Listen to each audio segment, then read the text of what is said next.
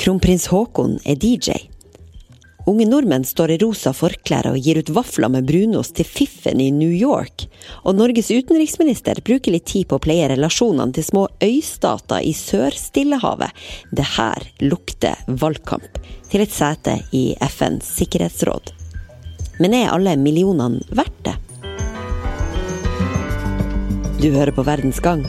Jeg heter Nora Torp Bjørnstad.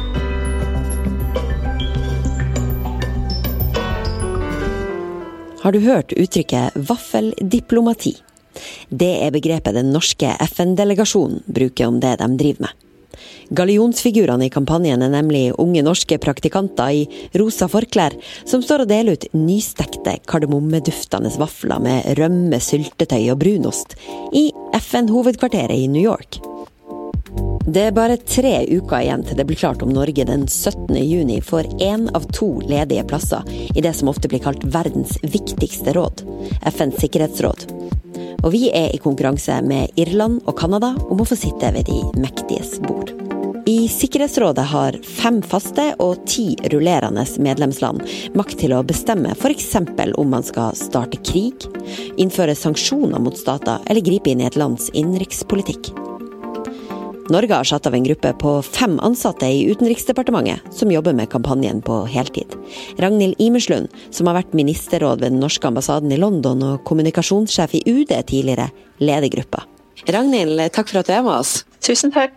Under tre uker igjen til hver av verdens 193 FN-ambassadører skal skrive sitt valg av land eh, på en lapp i det hemmelige valget om nye medlemmer. Hvordan er dagene for dere nå? Nå er det ganske hektisk og innimellom mye nerver. Og heldigvis innimellom også ting å feire. Så det er veldig intenst. Og klokka tikker veldig mot uh, midnatt, føler vi. Men det kjennes også godt etter en såpass lang innsats, da, mange år med hardt arbeid, så er det også godt å nærme seg slutten. Mm. Eh, hva er det Ragnhild Norge er så opptatt av å utrette i Sikkerhetsrådet som gjør at det er så viktig for oss å sikre oss denne plassen? Eh, Norge forsøker jo å sikre en plass i Sikkerhetsrådet hvert 20. år. Eh, og det er jo fordi at som et lite land som tjener, har tjent spesielt godt på at det multilaterale systemet, også internasjonalt samarbeid, fungerer og at FN har en sterk rolle, så har også Norge mye å tjene på å få den erfaringen som det er å sitte i Sikkerhetsrådet. Du lærer mye, du forstår mye av hvordan geopolitikken påvirker alle konflikter og beslutninger. Eh, og vi er opptatt av å redusere eh, krig og konflikt og bidra til å ivareta internasjonal fred og sikkerhet. Eh, og her mener vi at Norge har gode muligheter. Vi er et lite land som har stor tillit fordi vi ikke representerer stormaktsinteressene. Uh, og vi, kan, uh, vi, har også vist gjennom over 20 år med meglererfaring at vi kan uh, få til ting som andre ikke kan få til, nettopp fordi vi er det lille landet som har, nyter stor, i stor grad av tillit. og vi tror at nettopp, nettopp, den unike erfaringen og kunnskapen og nettverkene vi har, kan vi bidra også til at Sikkerhetsrådet kan finne til gode løsninger og bidra til å styrke internasjonal fred og sikkerhet. Det var det her med vaffeldiplomati, da. Hadde det bare dreid seg om vafler, hadde nok regnskapet sett litt annerledes ut. Så langt har de fem heltidsansatte fra UD hjulpet av egentlig hele den norske utenrikstjenesten, brukt over 29 millioner kroner siden 2016. Og det er da særlig i form av både reiser, i form av møter, samtaler, brevskrivning. Eh, nå i de siste ukene etter at koronaen så har det vært mye virtuelle videokonferanser og, og, telefonsamtaler også. Noen syns kanskje det høres litt voldsomt ut med en valgkampfest til 750 000 kroner. Men sammenligna med de fire millioner kronene som er brukt på drikkeflasker, mansjettknapper, paraplyer og binders med Sikkerhetsrådskampanjens rosafarger, så er det jo ikke så mye. I tillegg kommer flyreiser til land du kanskje nesten ikke har hørt om. Men sånt må altså til for å sikre stemmer, mener Utenriksdepartementet. Eh, ja, Det stemmer jo at vi har brukt 30 eh, millioner siden 2016. Eh, vi mener jo at det jeg sier ikke at det er lite penger, det er selvfølgelig en stor sum som må brukes med omhu. Men vi mener at, de har vært, både at det har vært rett prioritering og at de har vært rett brukt. Og Først og fremst så har jo disse midlene vært brukt på reiser. Enten reiser for våre for, for, oss som da fremmer kampanjen til uh, ulike steder av verden. Uh, og så har vi også arrangert to studieturer til Norge hvor vi først og fremst har da, informert om norsk utenrikspolitikk, norsk samfunnsliv. Og presentert da hvorfor vi mener Norge er en god kandidat til de som stemmer på oss. Og Sånn er det nå en gang når man driver valgkamp, at du er nødt til å skille deg fra dine konkurrenter. Du er nødt til å få en profil. Men uh, vi mener at vi har hatt, ført en ganske sober kampanje. Hvis du ser på hvordan våre konkurrenter har uh, hva slags fester og events de har arrangert, så er uh, våre fester og um, våre konserter f.eks. har vært, ligget på et helt annet nivå enn det våre konkurrenter har, som både har invitert inn Céline og, og U2, mens vi brukte da praktikanten på FN-delegasjonen som DJ, eller kronprinsen som også spilte noe fra sine favoritter minutter. Så alt i alt så tror jeg ikke at vi har splæsjet i denne kampen. Det har gått 20 år siden sist Norge satt i Sikkerhetsrådet, og Tove Gravdal var presseråd da Norge hadde sete der forrige gang. Jeg var så heldig at jeg var eh, presseråd i noen måneder eh, høsten 2002. De siste månedene Norge satt i FNs sikkerhetsråd eh, sist gang. Det var en enormt spesiell høst, og aldri, verken før eller siden, har det vært større interesse for hva Norge mente om et internasjonalt konfliktspørsmål. Da sto Irak på dagsordenen i FNs sikkerhetsråd. Gravdal er nå journalist og har skrevet bok om Norge i Sikkerhetsrådet. 'Til bords med de mektige', heter den. I kronikker hun skriver, så kaller hun det ofte for å sitte ved bøllenes bord. Fordi stormakter som Kina og USA de kan virkelig komme til å bølle med lille Norge hvis vi skal sitte med dem. Og noen, f.eks. VG på lederplass, stiller spørsmål ved om Norge virkelig vil være i den stillinga at de nærmest blir tvunget til å ta parti. Tove, tusen takk for at du er med oss eh, nå i Verdens Gang. Jeg synes det er ganske stas å ha med en ekte insider. Du er av dem som, eh, som i kronikker har skrevet om at eh, det presset fra stormaktene, hvis vi faktisk skal velge å sitte ved det du kaller for bøllenes bord, det kan gjøre at Norge kommer i en skvis. Hva går det ut på, egentlig?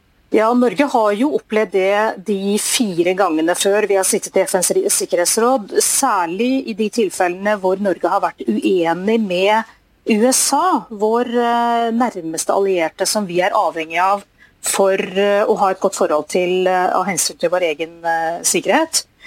Uh, og nå tror jeg nok at det blir tøffere enn noen gang. Både fordi at USA har gått i en retning som er mer og mer i strid med folkeretten, særlig i Israel-Palestina-spørsmålet. Så har Kina kommet som en veldig, veldig viktig stormakt. og som, som legger stadig mer vekt på, på arbeidet i Sikkerhetsrådet. Og eh, Norge vet jo veldig godt hva, så, hva vi risikerer hvis vi eh, provoserer Kina. Vi havnet jo ut i fryseboksen etter at eh, Liu Xiaobo fikk Nobels fredspris i 2010. Det mislikte Kina sterkt og kuttet eh, all politisk kontakt med Norge. Og Det er jo en risiko Norge tar hvis vi f.eks. kritiserer Kina for menneskerettighetsspørsmål i Sikkerhetsrådet, så risikerer Norge kanskje det samme igjen. å få et veldig vanskelig politisk forhold til Kina. Og Russland selvfølgelig, som er eh, oppfattet som en større sikkerhetstrussel nå enn da Norge sist satt i Sikkerhetsrådet. Vi er også nødt til å holde oss inne med Russland, som er og for all evighet kommer til å være Norges nabo. Er det sånn å forstå da, at Norge på en måte kan føle seg litt forplikta til å ta parti med stormakter som USA eller Kina eller Russland i, i saker der hvor de her stormaktene egentlig oppfører seg litt som bøller på verdensarenaen? Om ikke Norge føler seg forpliktet, så det, kommer i hvert fall Norge til å havne under et ekstremt sterkt press fra disse bøllene, som jeg eh, kaller dem. Uh, hvis Norge ikke har tenkt å stemme slik som de vil. Uh, det Sverige, svenske diplomater opplevde da de satt i rådet nå i 2017-18, det var jo nettopp det at de fikk telefoner fra, fra, disse stormaktene som skulle presse dem til å ta standpunkter som ikke nødvendigvis uh, uh, Sverige sto inne for, men som var i tråd med det disse stormaktene ville. Med de to faste sikkerhetsrådsmedlemmene USA og Kina på full fart mot det Kinas utenriksminister kaller en kald krig pga. handel, menneskerettigheter og nå ikke minst koronakrisa, gjør at det miljøet Norge kjemper for å bli en del av nå, er mildt sagt betent. Det er også noe kampanjeleder Ragnhild Imerslund er bevisst på vafler og pins satt til side. Det er helt klart at eh, FN akkurat nå, eh, og samarbeidet internasjonalt om globale spørsmål, lider under eh, rivalisering mellom stormaktene. Særlig da USA og Kina, som jo har klasjet rett og slett i Sikkerhetsrådet på covid-19. Det som jo vi mener er at vi kan ikke bare la dette skje og akseptere det og ikke forsøke å få til eh, både kompromisser og sikre at internasjonalt samarbeid fortsatt fungerer, selv om enkelte av stormaktene eh, har et krevende samarbeidsklima. Det er det bare vi selv som vil lide under av, eller sivilbefolkningen i land som er rammet av konflikt, eller andre sårbare grupper som vil, bli, som vil lide av at vi på en måte lar negative trender bare fortsette og ikke tar tak i det. Så Det er helt klart at Sikkerhetsrådet har vært paralysert, og det har vært vanskelig å få til enighet på mange av de store, vanskelige spørsmålene. Men det er så viktig å huske på at det er veldig mye Sikkerhetsrådet gjør hele tiden, hvor det faktisk er stor grad av enighet, og hvor Norge også da her vil kunne bidra positivt. Nå skulle egentlig Imerslund og resten av kampanjegruppa fra Utenriksdepartementet vært fast stasjonert i New York, men pga. koronapandemien er det her utsatt. Det har vært en annerledes tid å skulle drive kampanje i, men det har ikke forhindra god, gammeldags lobbyvirksomhet, sier journalist Gravdal. Og ja, det er ikke noe tvil om det. Du kan bare følge med på Twitter-kontoen til det norske utenriksdepartementet og se hvor mange telefoner uh, utenriksminister Ine Eriksen Søreide tar hver uke til kolleger i land som Tuvalu og Madagaskar og Ghana og sånne land som hun normalt ikke har så veldig mye kontakt med. Og så er det det som hadde vært planlagt. F.eks. så skulle jo kronprins Haakon har jo spilt en veldig aktiv rolle i um, i den norske valgkampen. Det går jo fortsatt gjetord om da han stilte opp som DJ på valgkamplanseringen i New York i juni 2018. Og jeg har stadig fått høre det folk som har vist til. Å ja, det var så, det var så kult at uh, kronprinsen uh, stilte som DJ på den festen. og han har jo vært en veldig viktig stemmesanker for Norge, men han har da ikke kunnet reise på stemmesankeoppdrag for, eh, for Utenriksdepartementet nå de siste månedene. Og, og det, for den norske kampanjen så tror jeg nok de opplever at det, det er litt synd, og det er en ulempe. Og, men eh, valgkampen har pågått eh, ganske intens likevel gjennom møte, digitale møter og gjennom telefonsamtaler mellom utenriksministeren og statsministeren og deres motparter i alle verdens land. Denne gangen, som vi håper kan bli Norges femte, så konkurrerer vi med Canada og Irland om en plass i Sikkerhetsrådet. Alle tre landene har gode kort på hånda, sier journalist og forfatter Gravdal. Eh, først For Norges del så er det igjen penger. Norge gir veldig mye penger inn i FN-systemet og er en stor bistandsgiver. og Det blir jo lagt merke til blant de 193 eh, medlemslandene i FN som skal avgjøre dette nå i juni. Og eh, For Irlands del er det først og fremst si at Irland er et eh, land det er lett å like. De har ikke så mange fiender eh, rundt omkring i verden. Og Irlands uh, styrke er også at de ikke er medlem av Nato. Noe som gjør det lettere for en del land å stemme på Irland. De er heller ikke veldig sånn belærende på den internasjonale arenaen og er, ja, er i det hele tatt ganske godt likt. Eh, Canada har en styrke i at eh, de er jo med i eh, G7-klubben, altså de sju største økonomiene i verden. Og har dermed adgang til de andre mektige landene på, på den måten.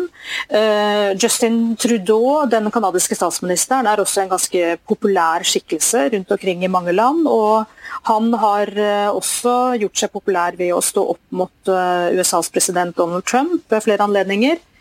Eh, så det er en knallhard konkurranse. Det er helt åpent faktisk hvilke to av de tre landene som eh, blir valgt nå i juni. Mm, så du vil ikke si noe om du føler at det er stor sjanse for at Norge blir valgt? Nettopp pga. Norges høye bistandsnivå og den langvarige støtten Norge har gitt til FN, så er det ganske god sjanse for at Norge blir valgt. Men uh, nettopp denne koronapandemien nå gjør det ganske uklart uh, hva, hva, som skjer. Fordi at uh, valgkampinnspurten er jo blitt helt annerledes enn det alle de tre landene hadde planlagt. Og det er helt åpent hva slags utslag det gir. For det er jo til sjuende og sist FN-ambassadørene i New York, som da skal gå inn i FN-bygget én og én om gangen pga. koronasmitten. Eh, og som skal da avlegge stemme. og Det er en hemmelig avstemning. og derfor eh, De kan jo bestemme seg for at nei, jeg stemmer ikke sånn som jeg har lovet likevel, jeg, og ombestemmer seg i siste øyeblikk. Så det er veldig, veldig åpent. Og veldig spennende. 17.6 skjer det altså. Da skal representantene for de 193 medlemslandene bestemme om det er Norges tur til å sitte ved de mektige spor i FN-hovedkvarteret i New York. Du har hørt en episode av Verdens gang. Det lages av Tore Erling Tømtrud, Emilie Hall Torp, Kristine Hellesland og meg, Nora Torp Bjørnstad. Teknisk ansvarlig er Magne Antonsen. Hør på oss i morgen også.